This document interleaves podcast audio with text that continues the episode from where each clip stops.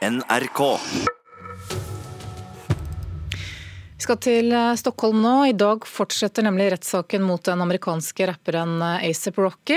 Han er sammen med to andre menn tiltalt for vold mot en 19-åring i Stockholm sentrum i slutten av juni. Reporter Knut Øyvind Hagen, du er utenfor tingretten nå. Hva er det som skal skje i retten der i dag?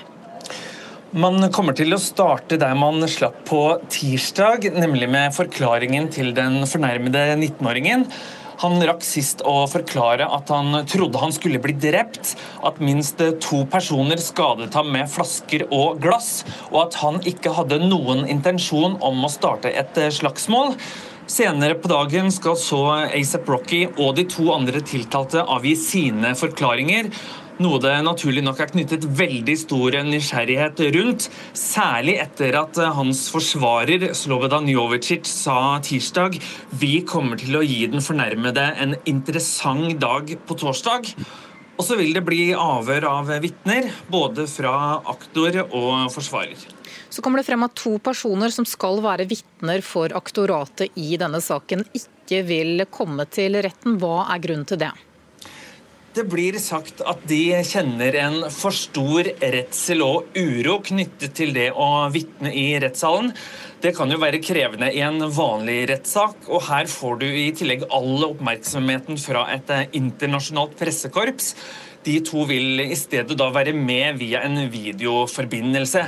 Og Det som er forventet at de skal bidra med, er å forsterke 19-åringens forklaring om at han ble angrepet og skadet av flasker og glass. For hvis det stemmer, så er det snakk om mer alvorlig mishandling hvis det kommer i tillegg til kroppslig mishandling, slag og spark. Og Det kan igjen føre til en strengere dom hvis Isap Rocky og de to andre blir funnet skyldige. Så er det mye snakk om disse videobevisene og videoer som ASAP Rocky skal ha redigert. Hvorfor er det så stort fokus på disse her? Det er fordi video er den beste måten man konkret kan bevise hva som har skjedd. Ellers blir det ord mot ord. Og Grunnen til at det rettes så stort fokus mot eh, videoene som Isop Rocky har publisert, er at det er en vesentlig forskjell på den redigerte versjonen kontra den uredigerte. Både hans og livvaktens eh, atferd framstår som mer harmløs.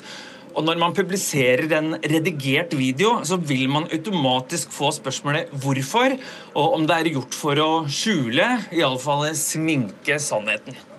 Så vet vi at eh, president eh, Donald Trump er en av dem som har involvert seg i denne saken. Vi skal høre litt på hva han har sagt. ASAP Rocky is uh, a situation in Sweden, uh, the leadership, and we are going to be calling, we'll be talking to him, we've already started. I have been called by so many people asking me to help ASAP Rocky.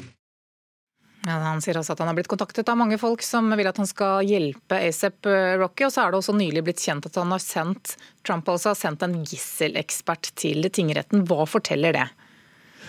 Det forteller at denne saken har blitt en prestisjesak for eh, Donald Trump. For det er snakk om presidentens egen terrorekspert, Robert Sia O'Brien. Han ble utnevnt som det av eh, Trump i mai i fjor, og det er han selv som har beordret ham hit. Og Bryan har sagt at hans misjon er å få disse amerikanerne hjem så raskt som mulig. Og fra før så er svenskene, da snakker jeg både om journalister og folk på gata, provoserte over Trumps innblanding i denne saken. Og Det bare beviser at denne saken rommer så mye mer enn en vanlig rettssak om eh, mishandling. Den har blitt eh, storpolitikk og en sak som Donald Trump gjør alt han kan for å vinne. Og Neste kapittel i saken starter altså nå klokka ni her i Stockholms tingrett. Den følger altså du, reporter Knut Øyvind Hagen. Takk skal du ha for at du var med oss direkte her.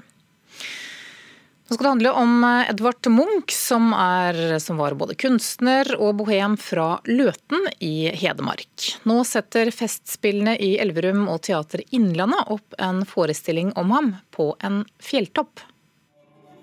Edvard Munch maler sjelen, skriver Stasjon.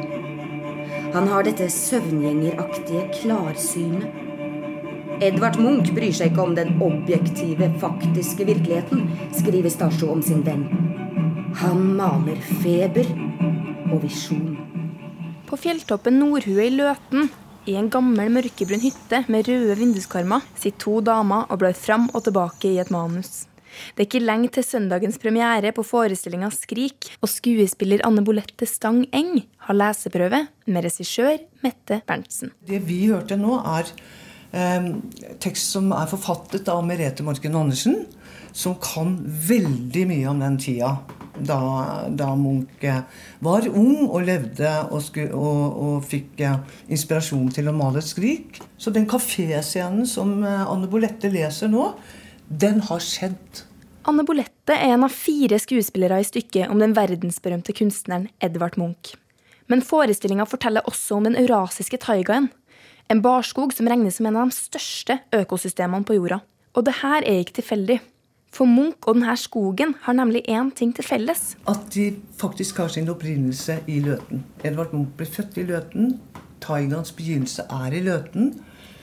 Og begge, som vi vet, er verdensomspennende, nemlig skogbeltet som strekker seg til Sibir, og ikke, om ikke enda lenger. Og Munch med den enorme betydningen og verdensberømmelsen han har hatt i kunsten. Så det er de liksom to fortellingene vi vil formidle med denne forestillinga. Her er utsiktsposten. Du ser liksom Elverum og Glomma og Kongsvinger. og eh, Der Dagny Juel ble født. Hun er jo en av de stykket forteller om. Mette tente fort på tanken om å spille forestilling på toppen av Nordhue. 772 meter over havet. Men det var ikke hun som kom med forslaget. Det var noen løtensokninger som syntes at det hadde vært en innmari god idé. Å si noe både om Munch og det man ser herfra. Eh, så eh, det var for å få litt sånn Ta en historie som ikke alle kan, men eh, alle veit noe. Og, og, så syns vi det er gøy å kunne invitere folk. Liksom, Vær så god, kom igjen, publikum. Sett dere i en buss, kom opp. Så senker mørket seg, og så blir liksom Så blir man dratt inn i denne historien på en litt gøy måte skal begynne med der borte, altså etter, etter det Pribusevske introen. Ok, så fra Stasjo er ja, Produksjonsteam og skuespillere har jobba på forestillinga i omtrent et år. Men Anne Bolette, som spiller den beryktede bohemen Dagny Juel, hun kom inn i staben for bare noen måneder siden. En av skuespillerne måtte trekke seg pga. skade, og da var det Hamarjenta som kom opp som forslag. Og Anne Bolette hun bestemte seg raskt for å bli med. Jeg gleder meg veldig til å Det er en kort periode, men eh, vi skal jobbe hardt og intenst. Veldig givende med området rundt. Det gir mye inspirasjon, det også. Og de sauene, så de sauene, de er veldig fine. Kanskje det skaper litt kunst også. Med sauer til inspirasjon rundt seg er begge damene og resten av teamet klar for søndagens forestilling. Nå krysser de bare fingrene for at sauene ikke gjør altfor mye ut av seg. Jeg tenker at Det eneste vi ikke kan kontrollere, er hvis liksom sauene breker når vi spiller. ja. Mm, ja, Den som var med oss eh, fra Nordhue på Løten, var Susanne Njølstad Skansen. Er det greit at Norges største mediekonsern Skipsted både selger aviser og forbrukslån? Det spør Ole Andreas Elvik Næss i Aftenposten i dag. Han er doktorgradsstipendiat i samfunnsøkonomi ved Norges handelshøyskole, og kulturreporter Vibeke Sederquist, hva er det han er kritisk til? Først og fremst så er det hvorvidt det er eh, greit at et konsern som eier mange av de største avisene her til lands, også skal drive med forbrukslån gjennom andre selskaper de eier. Det vises da bl.a. til Lendo, som tjente over 300 millioner kroner i 2018, som selger forbrukslån og da eies av Skipsted. Skipsted er Norges største mediekonsern og eier i tillegg til aviser som VG, Aftenposten og Bergens Tidende, tjenester som finn.no og Lendo. da. Ja, hva er det som er så galt med å både eie aviser og, og virksomheter som selger lån? Det skriver at Skipsstedet benytter aktivt sin merkevare for å øke troverdigheten til Lendo. På hjemmesiden til Lendo kan man lese at de er opptatt av å understreke at de er heldige som har en langsiktig eier i ryggen. Skipsted får jo momsfritak fra staten, og Ness spør om det er rett at eh, den langsiktigheten og stabiliteten momsfritaket skaper for Skipsted, skal brukes til å selge forbrukslån. I april så sa Finanstilsynet at eh, nordmenns samlede forbruksgjeld hadde økt til 117 milliarder kroner. Eh, det kan være sårbare mennesker som egentlig ikke har så god råd, som tar opp disse lånene da, til skyhøye renter. Men handler denne debatten bare om penger? Nei, det handler også om eh, troverdighet. Ness mener det skrives mindre kritisk om tema forbrukslån i aviser eid av Skipsted enn andre aviser. Samtidig er det ofte reklame for type typ Lendo i disse avisene som inneholder tvilsomme økonomiske påstander, ifølge NS. Han syns det er vanskelig å vite om slike annonser ville blitt godkjent dersom Skipsted ikke hadde egeninteresse av innholdet. Ok, Da regner jeg med at han har en løsning også, da, på, på, dette her? Det har han, selvfølgelig. Han mener Skipsted må dekke tema forbrukslån mer kritisk, da, rett og slett. Gjerne enda mer enn det andre aviser gjør. Det vil gjøre at Skipsted-avisene gjør leserne mer oppmerksomme på den rolleblandingen som finnes. Takk skal du ha, kulturreporter Vibeke Sederquist. Emma Thompson og Mindy Kaling har hovedrollene i en ny amerikansk karrierekomedie. Late Night heter den, og foregår i kulissene til et populært talkshow. She was the first female late night talk show host on a major network, winning 43 Emmy Awards. Ladies and gentlemen, Catherine Newberry. Late Night er en godlynt og småsatirisk karrierekomedie satt til den amerikanske talkshow-verden. Vittige skuespillere som Emma Thompson, John Litgow og Mindy Kaling løfter et relativt ordinært manus til et sjarmerende og poengtert skråblikk på arbeidsplassdiskriminering mot både alder, kjønn og minoritetsbakgrunn. I will not be marginalized because no one here looks like me. She's not trying to silence your strong female woman of color spirit. Hashtag me too, blah, blah, blah. You're a new writer with no experience. Write something. Da den briljante og kravstore talkshow-stjerna Catherine Newberry, spilt av Thompson, oppdager at TV-selskapet vil kansellere showet hennes, starter et lett panisk redningsforsøk. Heldigvis har hun nettopp kvotert inn den unge og uerfarne Molly Patel, spilt av Kaling, inn i sitt ellers kritthvite og mannsdominerte manusteam og sammen så prøver de to ganske så ulike personlighetene å redde både showet og sine karrierer. Det her er en ganske tradisjonell historie som setter en ung underdog og en arrogant veteran sammen i kamp mot krefter som ønsker å bytte ut idealer og journalistiske prinsipper med kommers og falske guder. Mindy Kaling og Emma Thompson er begge sprudlende gode i sine hovedroller.